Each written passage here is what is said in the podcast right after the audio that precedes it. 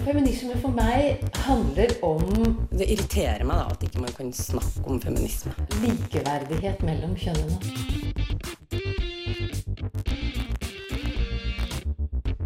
Det blikket på kvinnen på film. handlet det om å bli tatt på alvor som jente. Du hører på Et eget rom på Radio Nova. Det funker å engasjere seg, det funker å ta plass, og vi trenger å starte denne diskusjonen om hvem som er black i Norge.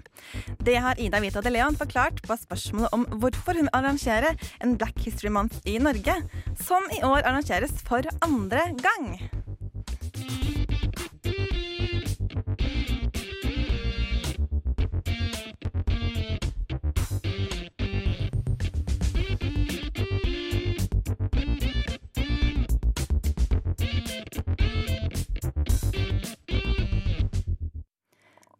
Mandag og velkommen til et eh, eget rom.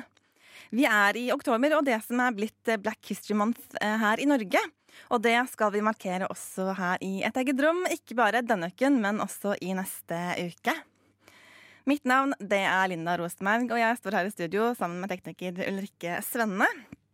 Og jeg er vokst opp et sted i Groruddalen på en skole hvor ca. halve klassen hadde en annen bakgrunn enn etnisk norsk. Men selv der så var det ganske lite mangfold i mangfoldet. For nesten alle som tilhørte en minoritet, de var enten fra Pakistan eller Tyrkia. Én var iraner, én var kurder, og én hadde foreldre fra Marokko. Men de så ganske like ut, alle sammen. I hvert fall så føltes det slik. Og for meg så var det jo uansett norske, for alle snakket norsk. Vi lærte de samme tingene, og de aller fleste var med på de samme aktivitetene etter skolen. Enten det var fotball, håndball, basket eller korpset. Det mest eksotiske for oss, det var hun ene med foreldre fra Vietnam, og hun ene i naboklassen med foreldre fra Bosnia. Og det var jo en del østeuropeere i samfunnet da også, men at de hadde barn som gikk i norsk skole, det var for oss ganske uvanlig. Og vi visste jo at det var en del med afrikansk bakgrunn, men i vårt lille miljø så hadde ikke de flyttet til akkurat da. Heller ikke de med østasiatisk bakgrunn. Så da gikk vi der da, i ti år og diskuterte kristendom og islam, nordmenn og innvandrere, men egentlig så snakket vi jo de som ikke var på vår lille skole.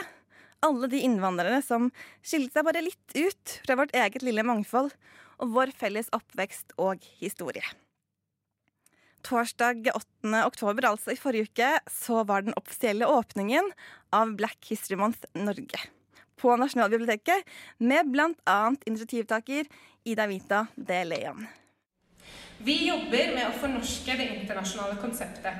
Du kan kalle oss for moderne Asbjørnsen og Moe. De reiser rundt i Norge og samlet inn eventyr for å bygge en nasjonsfølelse.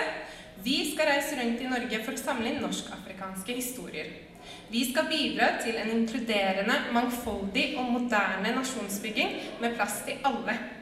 Vår norske melaninrike historie er av betydning for storsamfunnet. Og årets tema er derfor viet til historiefaget. Ifølge utdannings Utdanningsdirektoratet har historiefaget stor betydning for hvordan individet forstår og oppfatter seg selv og samfunnet, og for hvordan den enkelte skaper sin identitet og tilhørighet med andre. Historisk innsikt kan bidra til å forstå egen samtid bedre, og til å forstå at en selv er en del av en historisk prosess, og at man selv skaper historie. Norsk sort historie er viktig, og derfor er årets tema 'Fra fragmenter til historie'. Vi har masse fragmenter, altså bryggstykker av norsk sort historie. Men fragmentene er ikke tilgjengelige for oss som en historie eller i en tidslinje, og den er heller ikke nedfelt på egne premisser.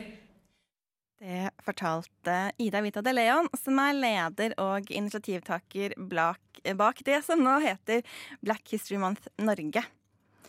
Vi skal eh, om ikke så veldig lenge høre mer fra åpningen av Black Mac. Black History Month eh, her i et eget rom. Men før det, de fransk-kubanske søstrene bak artistnavnet Ibai har blitt spilt flere ganger her på Radionova. Og her er de igjen, denne gangen med låta 'Exhibit Diaz'. Exhibit Diaz sang fransk cubanske i Bei.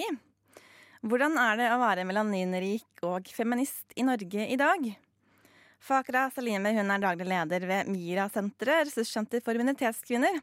Og hun har tidligere snakket med oss om dette med kvinnekamp, minoritetskvinners perspektiver og antirasisme.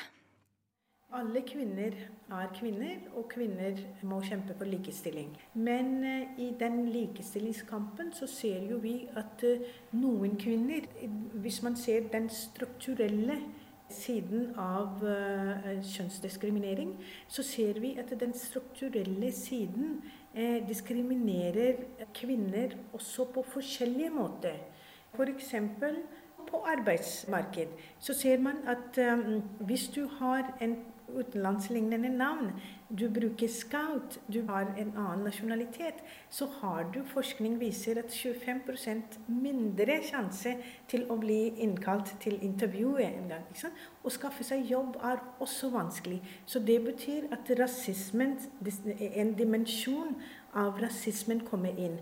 Så når man diskuterer kvinner med minoritetsbakgrunn og likestillingspolitikk, så må man ta hensyn til alle disse krysningspunkter.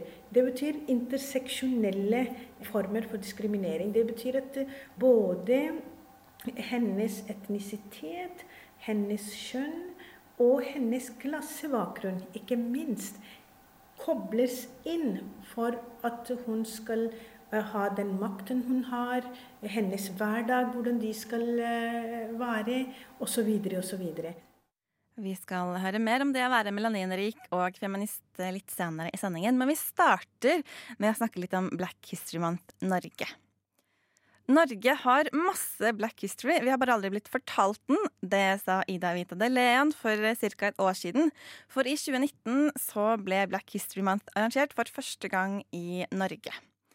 Og det handler altså om det å finne, dokumentere, dele og bevare norsk-afrikansk historie. Synliggjøre melaninrikes bidrag og sette fokus på hva svart kultur er i Norge i dag. Michelle Tistel hun er afroamerikaner, utdannet i sosialantropologi, og jobber nå som forskningsbibliotekar ved Nasjonalbiblioteket her i Oslo. Og på åpningen av Black History Month eh, forrige uke så snakket hun om hvorfor det er så viktig å ha en slik markering. Hvert år siden tidlig 2000-tallet, når februar nærmer seg, opplever jeg hjemlengsel. Det er ikke bare at jeg har bursdag i februar og savner min mormors saftige hjemmelaget bursdagskake med ananasfyll og kokosstrø på toppen. Jeg har lengtet etter de store og små markeringene av afroamerikansk historie som har funnet sted så lenge jeg kan huske. De er blant mine kjæreste barndomsminner.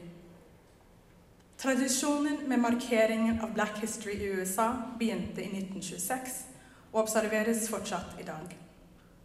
Inspirert av Negro History Week organiserte studentforeningen Black United Students ved Kent State University Black History Month 1970. Og jeg vokste opp på 70-tallet, i Texas. Som skolebarn var februar den viktigste måneden. Det var måneden man var stolt å være afroamerikaner. Fordi vi fikk lære om vår historie og bidrag til samfunnet. På John F. Kennedy barneskolen munnet Black History Month ut i bokutstilling på skolebiblioteket og skriveoppgaver om afroamerikansk historie og forbilder. Det jeg gledet meg mest aller mest til, var det årlige arrangementet hvor hele skolen samlet seg i auditoriet, og klassene fikk bidra med sang, dikt og taler. Høydepunktet var allsangen og den såkalte Black National Anthem, Lift Every Voice and Sing, skrevet av James Weldon Johnson i 1900 og satt til musikk av broren Rosamund Johnson i 1905. Sangen er en validering av afroamerikanernes styrke som folkegruppe, evnen til å overleve, transcendere og lykkes i samfunnet. Hvorfor var det nødvendig med slik validering og dyrking av et positivt selvbilde? Jo, fordi mange forhold og krefter i samfunnet jobbet mot afroamerikanernes utvikling, inkludering, likestilling og tilhørighet. Den symbolske og reelle volden mot landets urfolk og nasjonal minoritet er godt dokumentert. Markeringen av Black History har spredt seg fra USA til land som Storbritannia, Tyskland, Canada, Irland, Nederland og Norge. Black History Month har blitt en nasjonal feiring i Canada i februar og i Storbritannia, der det markeres også i oktober. Fra Houston til Oslo illustrerer markeringer hvordan grupper tar initiativ til selvdokumentasjon og historieformidling. I Norge finnes det mange eksempler på historieformidling som synliggjør afrikansk og diaspora kulturarv. Her i Oslo er f.eks. Afrikansk kulturinstitutt, også kjent, kjent som SAK, et godt eksempel. På nettsiden omtales SAK som et miniatyr-Afrika i Oslo. I over 40 år har de formidlet afrikansk kulturarv gjennom sitt tilbud av dans, musikk, mat, eventyr og mer. I flere år arrangerte organisasjonen African History Week en årlig kulturfestival i Oslo. Formålet var å belyse og formidle en afrosentrisk historieforståelse, eksemplifisert ved deres slagkraftige budskap 'synlig, usynlig'. Kulturfestivalen var en strategi for å motvirke at og jeg siterer, at afrikanere ofte forblir usynlige når det gjelder representasjon og deltakelse i kulturutviklingen, selv om de er svært synlige i et hvit samfunn. Michelle Tistel var det som fortalte om Black History Month, og opptaket det var det Helene Wilhelmsen som sto for. Can I begin?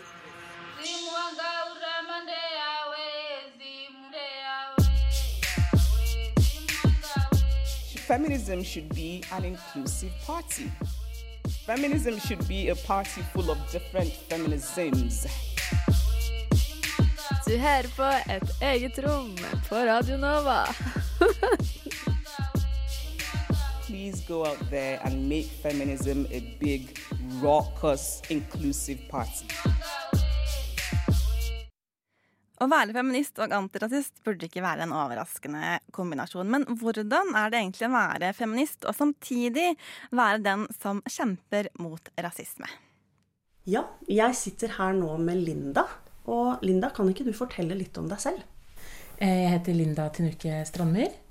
Jeg er 31 år gammel og er opprinnelig fra Kolbotn.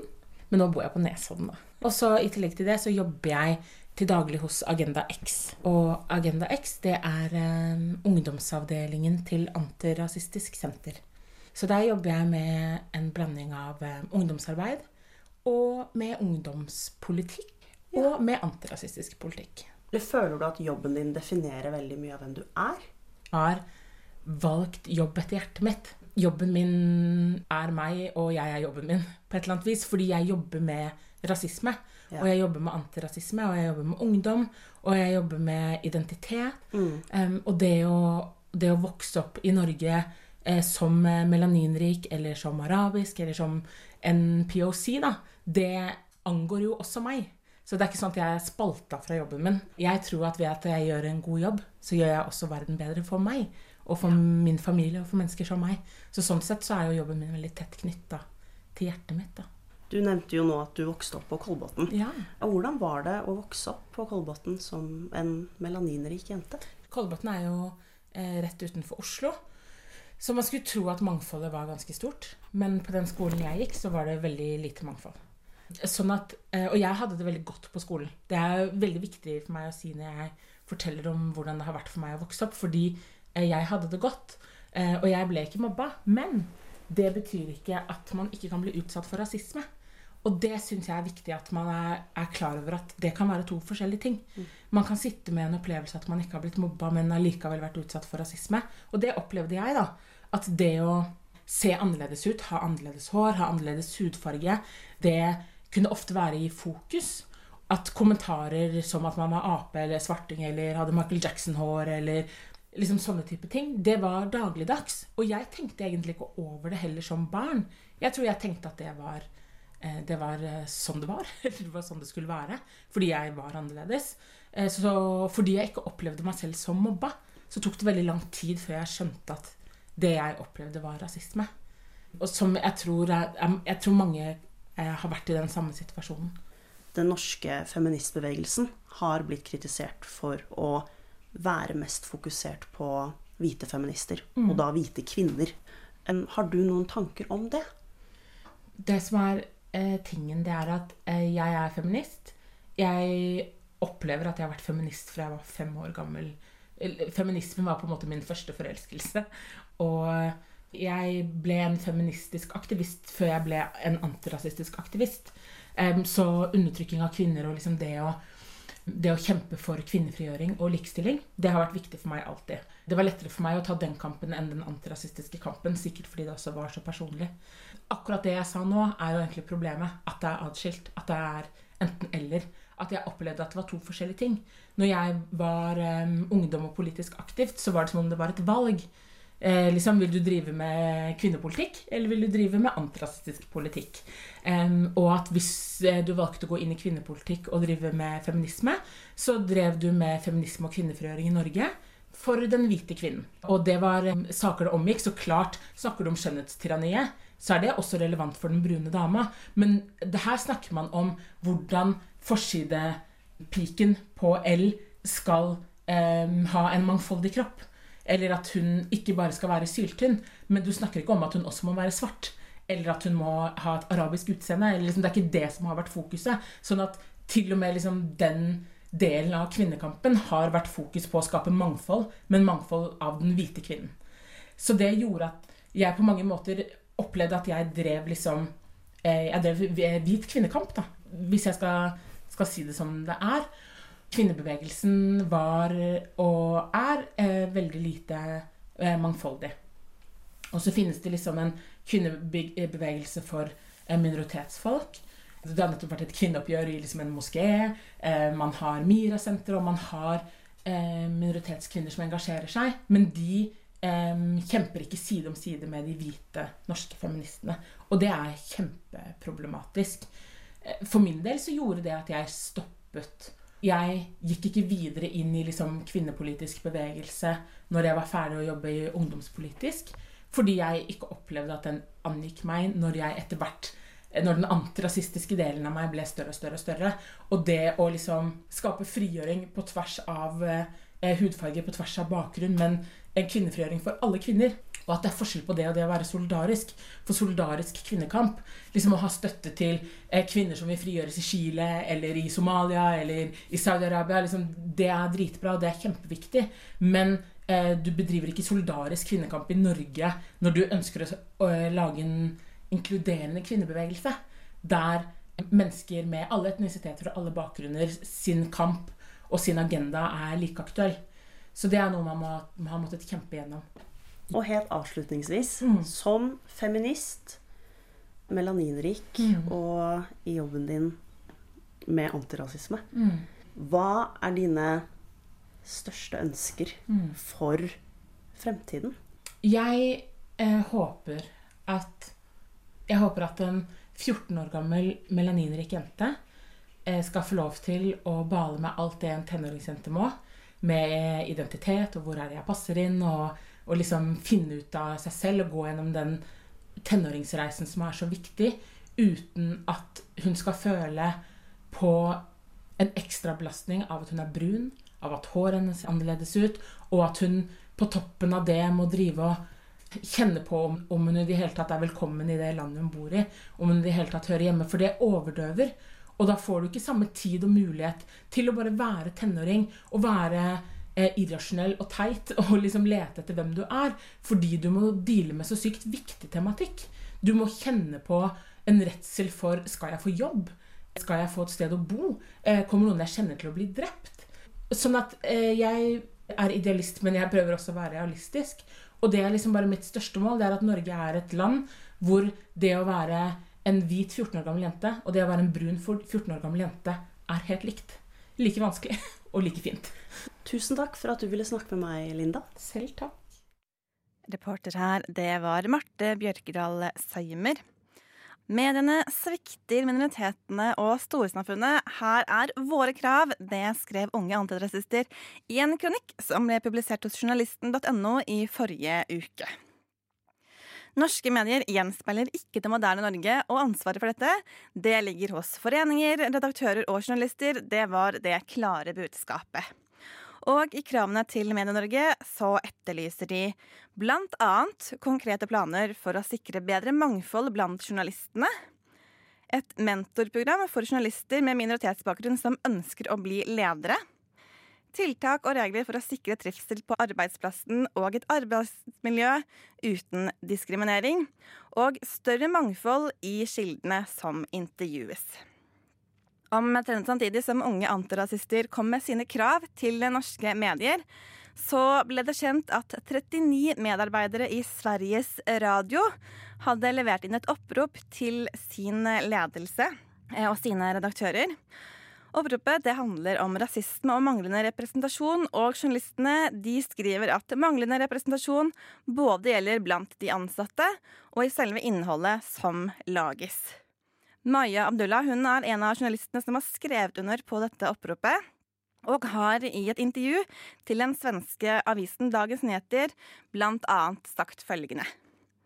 Jeg kjenner en stor uro for hvilke fortellinger vi forteller om vårt samfunn. Det skal være et riktig bilde. Et bilde som speiler mennesker og deres livsvilkår, og det syns jeg ikke det gjør i dag. Chichi Pang og Maria Lervik er to norske journalister. I tillegg så tilhører de en minoritetsgruppe som man sjelden hører om i norske medier. I våres så lagde de derfor Facebook-gruppen Nettverk for østasiater i mediebransjen. Jeg heter jo eh, Chichi, og jeg er født i Kina. Men jeg har vokst opp eh, i Norge eh, ganske mange forskjellige steder. Både på Flisa og i Mysen. Og så kan jeg si jeg er eh, 25 år. Eh, jeg heter Maria. Jeg er 24 år gammel og jeg kommer fra Sotra utenfor Bergen. Og så er jeg også adoptert fra Sør-Korea. Og dere har startet det nettverket for østasiater i mediebransjen. Hvorfor hadde dere lyst til å gjøre akkurat det? Vi kjenner jo hverandre rett og slett ut ifra at vi har hatt en del samtaler bare om hvordan man som asiater og som en del av mediebransjen må navigere seg i det feltet på en litt annen måte enn andre grupper i samfunnet. Mediebransjen er jo vanskelig nok fra før av, og som minoritet så kan det være vanskelig å få en fot innenfor og så er det også måte, når du får, har fått en fot innenfor, hvordan skal du forholde deg til yrket etter det? Og så hvordan skal du gjøre det med liksom, din egen kulturelle bakgrunn og uh, identitet. Så vi så liksom at um, okay, vi har en del felles uh, erfaringer knyttet til dette, og så har vi noen ulikheter også. Og så så vi at det er veldig mange andre som har lignende erfaringer og som sikkert ønsker å ha en plattform for å dele det. Og så tror jeg liksom, Litt av grunnen til at jeg og Maria starta det, var fordi vi jo, vi kjente hverandre egentlig ikke fra før av, men vi, vi så barlinen til hverandre. Vi så at det var et navn, og du skrev saker som jeg syntes var veldig bra, som dekket et perspektiv jeg savnet i Medie-Norge. Og det samme gjorde kanskje jeg. Så vi har jo vi har veldig mange ganger liksom skrevet til hverandre Hei, å, jeg likte så godt saken din, fordi jeg syns du dekker noe her som jeg har savna. Så har, vi har jo også starta gruppa litt for å på en måte heie hverandre, og forhåpentligvis også inspirere andre minoritetsbarn til å uh, velge det faget her, da, og bli journalist. Fordi det er jo ikke så mange som velger å bli det. Og det er jo en grunn til at det finnes f.eks. minoritetskvote på uh, Oslo OsloMet. Men også inspirere hverandre til å skrive mer om det. Slik at kanskje noen der ute som har savnet et perspektiv, også oppdager det. For det er jo ikke bare journalister som er med i gruppa. Det er jo også Folk som har tilknytning til mediebransjen på andre ja, måter. Kultur, en del eh, kulturarbeidere og eh, kunstnere mm. som også må forholde seg til veldig mange av de samme institusjonene. Og eh, som støter på en del av de samme problemene. Hva tenker dere er liksom årsakene til at det er flere minoritetsgrupper som omtrent ikke blir omtalt, og som nesten aldri får komme til ord i norske nyhetsmedier? For det første så er det jo Det er noen store minoritetsgrupper som er veldig synlige fordi de har vært i landet lenger enn de andre. Og så er det de Som på en måte, altså kom, det kommer også an på hva slags kultur du kommer fra. Fordi eh, Hvis jeg får snakke for den kulturen jeg kommer fra, så er vi jo litt mer eh, innadvendte. Vi tar ikke så mye oppmerksomhet i hverdagen eller i mediene eller i avisa. Så kan det også komme av at ulike grupper, minoriteter, har forskjellige forhold til mediene. Noen eh, ser på journalister som venner og tenker at de her er bra for samfunnet og uh, de skal ha den makta de har, alt det der. Mens noen ser på journalister som en trussel, eller som noe man bør holde seg unna. Uh, Så det er jo mange grunner til hvorfor, men jeg tror også det er fordi vi glemmer litt Vi som altså vi, Nå snakker jeg som vi som vi nordmenn, da. Vi glemmer litt at, at det fins andre grupper der ute som ikke på en måte er så synlige, så visuelle minoriteter, da. Og jeg tror at mange kanskje forbinder eh, asiatere at de er adopterte, og så tenker de at ja, men de er jo norske. Men adopterte opplever jo også en god del problemer. Jeg tror det er få som tenker at eh, å, la oss spørre en, eh, en med minoritetsbakgrunn som er adoptert, for å få det perspektivet. Man tenker gjerne ikke på det som et perspektiv engang. Så det er et perspektiv som jeg syns er viktig å få fram. da. Og så tenker jeg at det som du nevnte med at eh, noen minoritetsgrupper er mer synligere enn andre, er jo også et resultat av eh, kvoteringer. Et resultat av at en majoritetsgruppe tenker at vi må representere flere minoriteter, noe som er bra. Men så kommer de på en måte bare på noen grupper. Men med en gang man skal, er opptatt av å skulle inkludere så veldig, så er det andre som blir glemt. Og eh, de gruppene som blir glemt, de sliter mye mer med å da skulle bli representert, fordi at da er på en måte den runden med inkludering den er allerede gjort. Og så må vi jo nevne at de minoritetsgruppene som vi representerer, vi har ikke vært de aller flinkeste til å si fra selv heller. Vi, Mm. vi må møtes eh, halvveis. Men jeg tror det er medienes jobb og journalistens jobb. Også, jeg tenker at det er der hvor makta sitter. De bør ta det første skrittet, da. Og så er det det at hvis du ser noen som ligner på deg sjøl, eller hvis du hører noen som minner om deg sjøl, som du identifiserer deg med, så gjør jo det at du, du har lavere terskel for å, for å snakke, du også. Da vil jo det gjøre at eh, neste gang jeg har noe på hjertet som eh, jeg kanskje hadde hatt høy terskel for å snakke om før, fordi at hvem andre enn meg sjøl har lyst til å snakke om dette. Kan man, man kan ofte føle seg litt aleine om det. Og så ser jeg at å nei, det er faktisk flere som tenker på de samme tingene. Og da eh, er det kanskje flere som er interessert i å høre hva jeg har å si om dette. Mm. Det tror jeg gjør det lettere også. Altså det å bare se noen som ser ut som deg Det kan være den minste ting. Det kan bare være Oi, hun hadde litt sånn samme øyeform som jeg har, og hun er fra Kina. Altså det er bare liksom Det er så små ting, da. Men det er så Mm. viktig. Og en annen form for representasjon som eh, jeg syns er viktig, er jo den som ikke går på det erfaringsmessige. Den som bare går på å naturalisere mangfold. Naturalisere forskjellige typer kropper i forskjellige situasjoner. Som er at eh, man vis, viser ting som er ustereotypiske. Mm. Som, eh, som gjør, normaliserer helt vanlige ting, men som ikke er normalisert i mediebildet. F.eks. Eh, hvordan man tenker rundt kilder. Hvem er det jeg eh, intervjuer hvis jeg skal intervjue en typisk eh, småbarnsmor? De kan se veldig veldig forskjellige ut. De kan ha veldig mange forskjellige bakgrunner. Men hvem er typisk å velge til bestemte saker? Så jeg, det jeg har prøvd å gjøre, det er å være veldig bevisst på, på kildevalget. Sånn at det ikke trenger å være at en minoritet blir intervjuet i lys av det at han eller hun er en minoritet, men bare at de kan bli hørt fordi at de er et individ Mm. med eh, egne erfaringer, med kompetanse som er viktig, og med meninger som er interessante. For det er jo litt sånn at eh, hvis man skal ah, knytte dette til vår bakgrunn, da, så er jo det at de gangene en asiater blir representert, så er det jo megastereotypisk.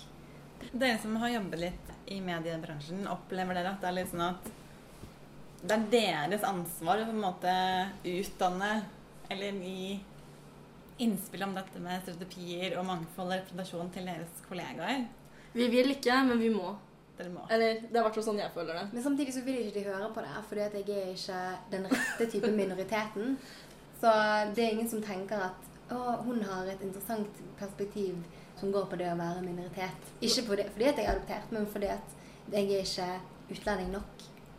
Hvordan er du ikke utlending nok? Jeg har fått hørt mange ganger at ja, men du er ikke eh, melaninrik, så du har ikke noe du skulle sagt. Og da, da blir jo man eh, silenced. Så rart. Det er også en konsekvens av at man gir rom for noen typer minoriteter, men ikke alle. Og det ødelegger jo for, eh, for meningsmangfold, for inkludering, for eh, demokrati. Det er utrolig problematisk. Mm. At man, når man skal gi plass, så gir man det midlertidig, og man gir det på veldig mange premisser. Når det ikke er så mye dekning på den østasiatiske minoriteten, hva slags journalistikk er det dere savner? Den som prøver å få fram minoritetsperspektiver, ikke minoritet som i eh, utenlandsk bakgrunn, men som i mindre dekkede meninger. Som i mindre populære meninger, til og med. For å nyansere mediebildet. Fordi meningsmangfold er liksom hele poenget med offentligheten, med demokratiet. Og det blir så kontraproduktivt om man skal liksom skrive de samme bra sakene igjen og igjen og igjen. og igjen. Ja, jeg er helt enig. Det må nye bra saker til også. Chichi Pang og Maria Lervik hørte du stemmene til der. Og dette var et utdrag fra en lengre samtale om representasjon og mangfold i mediene. Og hele denne samtalen vil du i løpet av denne uken finne på SoundCloud og der du hører podkaster. Jamila Jamil. Kanskje et av mine forbilder, som jeg syns er veldig kul. Hennes motto er liksom at så lenge man er opptatt av å lære og utvikle seg, så skal alle få lov til det. Så alle kan jo si dumme ting en gang iblant, eller trå litt feil, men å da gå tilbake og, og liksom si unnskyld, og jeg er fortsatt i utvikling, og jeg lover å gjøre det bedre neste gang. Du hører på Et eget rom. Radio Novas feministiske program. La afroen få strutte i fred. Norske frisører krever opplæring i afrohår, og afrohår bør være obligatorisk opplæring. Dette har vært overskrifter i norske medier de siste årene, og særlig i år så har både melaninrike og frisører diskutert den manglende kompetansen som mange frisører har når det gjelder afrohåret. Men også utenfor frisørutdanningen så er håret politisk. For i det eurosentriske skjønnhetsidealet som vi presenteres for igjen og igjen, så er det stort sett det skinnende, lange håret som er det optimale. Det motsatte av alt som er kruset eller krøllete. Amanda har denne uken snakket med Lalla Kulebali om dette med teksturert hår.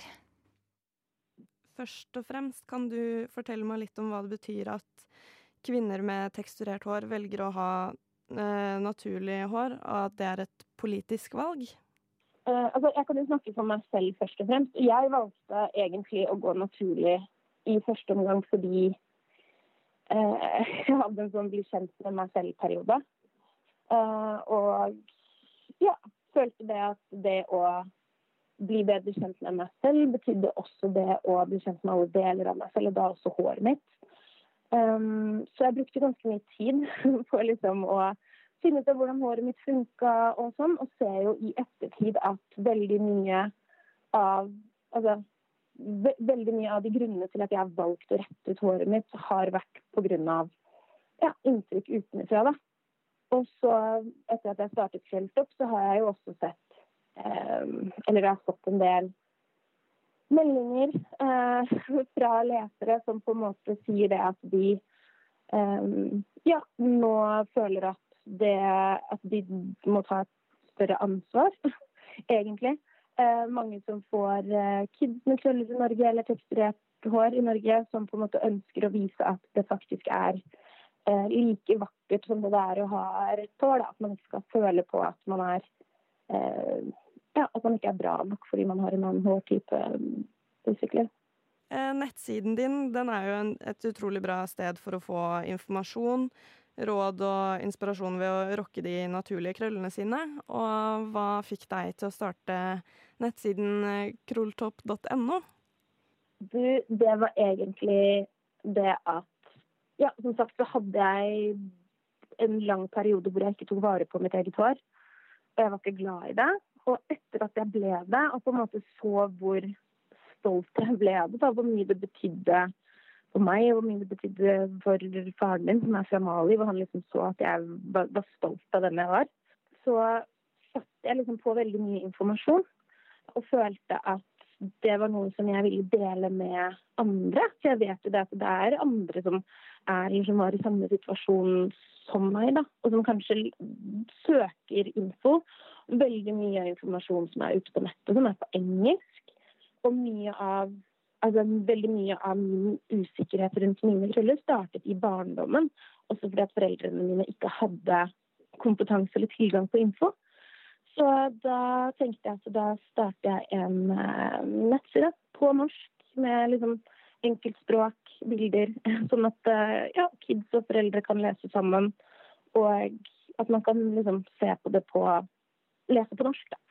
Så da starta jeg krølltopp.no for å dele kunnskap og info. Og på Nyhetsmorgen på NRK P2 så annonserte du et nytt prosjekt som heter Krølleløftet. Eh, kan du fortelle ja. meg litt om hva det går ut på, og hvilke endringer du ønsker å oppnå med Krølleløftet, da? Det som jeg egentlig har tenkt med, med Krølleløftet, er jo egentlig bare det å få samlet de i Norge som sitter med kompetanse innenfor teksturert hår. For sånn som det er nå, så er det ikke så gode tilbud til oss med krøller. Og det har heller ikke vært noe behov for det. Eller det har jo vært et behov for det, men nå er det et behov på et større nivå. da, Fordi det er så mange som nå velger å gå naturlig og velger å ta vare på håret sitt.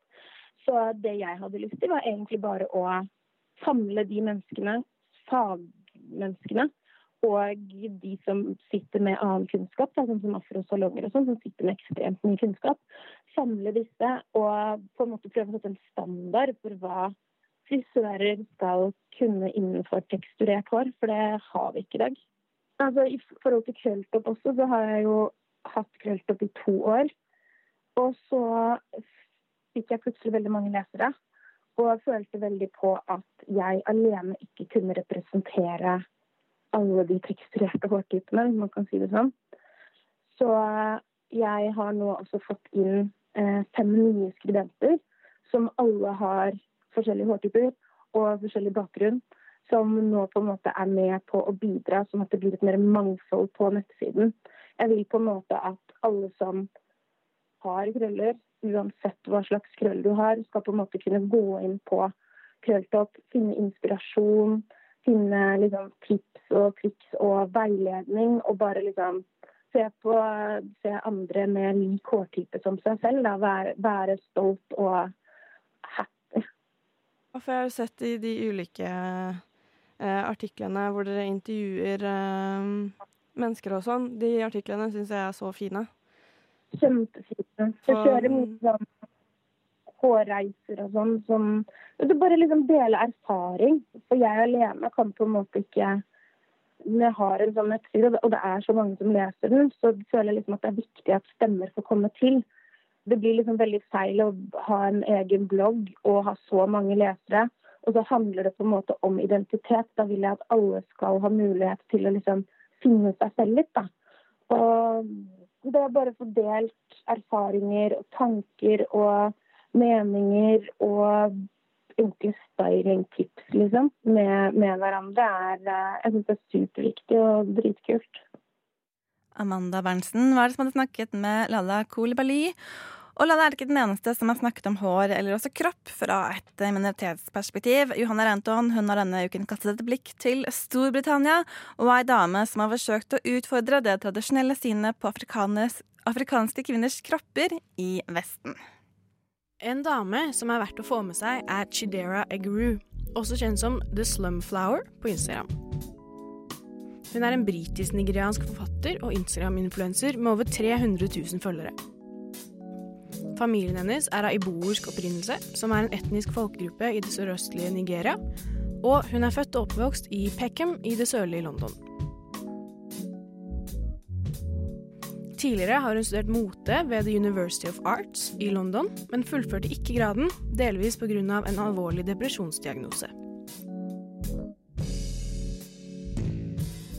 Eguru er nok kanskje mest kjent for sin SoMe-kampanje, nemlig hashtag saggyboobsmatter i 2017, som inkluderte bilder av seg selv og andre kvinner uten bh for å belyse tematikken rundt kroppspress og rigide idealer om hvordan kvinnekroppen skal se ut, spesielt med tanke på bryster.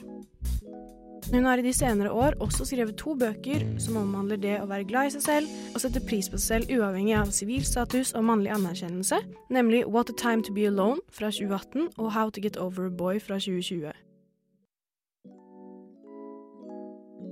Eggerus sosiale medietilstedeværelse har i de senere årene blitt preget av historier og aktivisme knyttet til opplevelser av å være svart kvinne i Storbritannia, og mange av innleggene hennes snakker om og setter søkelys på både de fine tingene, men også det som oppleves som vanskelig og påkjennende med å være dobbel minoritet, altså både kvinne og melaninrik i et samfunn som er dominert og styrt hovedsakelig av hvite engelskmenn. En av tingene hun problematiserer her, er bl.a. fetisjering av den svarte kvinnekroppen. Et relevant innlegg i forhold til dette kan man bl.a. finne videoopptak av på Eggeroos egen Instagram, og det stammer opprinnelig fra et debattinnlegg hun holdt i 2017 foran medlemmene av The House of Commons. Her snakker hun bl.a. hvordan svarte kvinner i media ofte er hyperseksualiserte, og problemene rundt det at de etablerte mediene heller velger ut kvinner med lysere hudtoner og mindre krøllete hår, altså trekk som assosieres i større grad med hvithet når de skal ansette f.eks. modeller eller skuespillere. Kort oppsummert, Eggerud poengterer at i medieverdenen er det til en viss grad lov å være svart, så lenge man ikke er for svart. Hvis man da ønsker å titte videre på Eggeroos arbeid, noe som er absolutt anbefalt, kan man finne henne på diverse sosiale medieplattformer som The Slumflower, bl.a. på Instagram, Twitter og YouTube.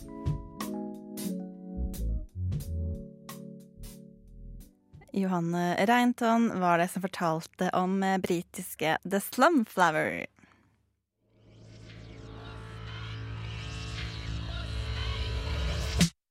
Et absolutt eget rom. Et helt ekte eget rom. Et eget rom. Et helt seriøst og morsomt eget rom. Et eget rom, Radio Novas feministiske program.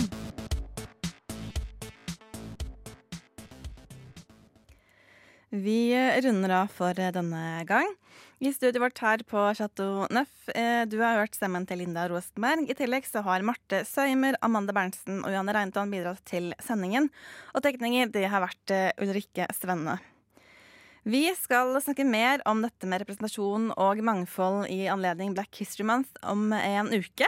Men vil du ha mer innhold om disse temaene før det, så kan du annet sjekke ut eh, tekstbehandlingsprogrammet her på Nova onsdag klokken ti. Eh, og deres sending om mangfold i litteraturen. I tillegg så vil vi legge ut en lengre versjon av samtalen med Chichi Pang og Maria Lervik om representasjon og mangfold i mediene, og den hører du der du vanligvis hører podkast. Du har hørt en podkast fra Et eget rom på Radio Nova. Vil du høre mer? Sjekk ut Et eget rom på Facebook, Instagram eller radionova.no.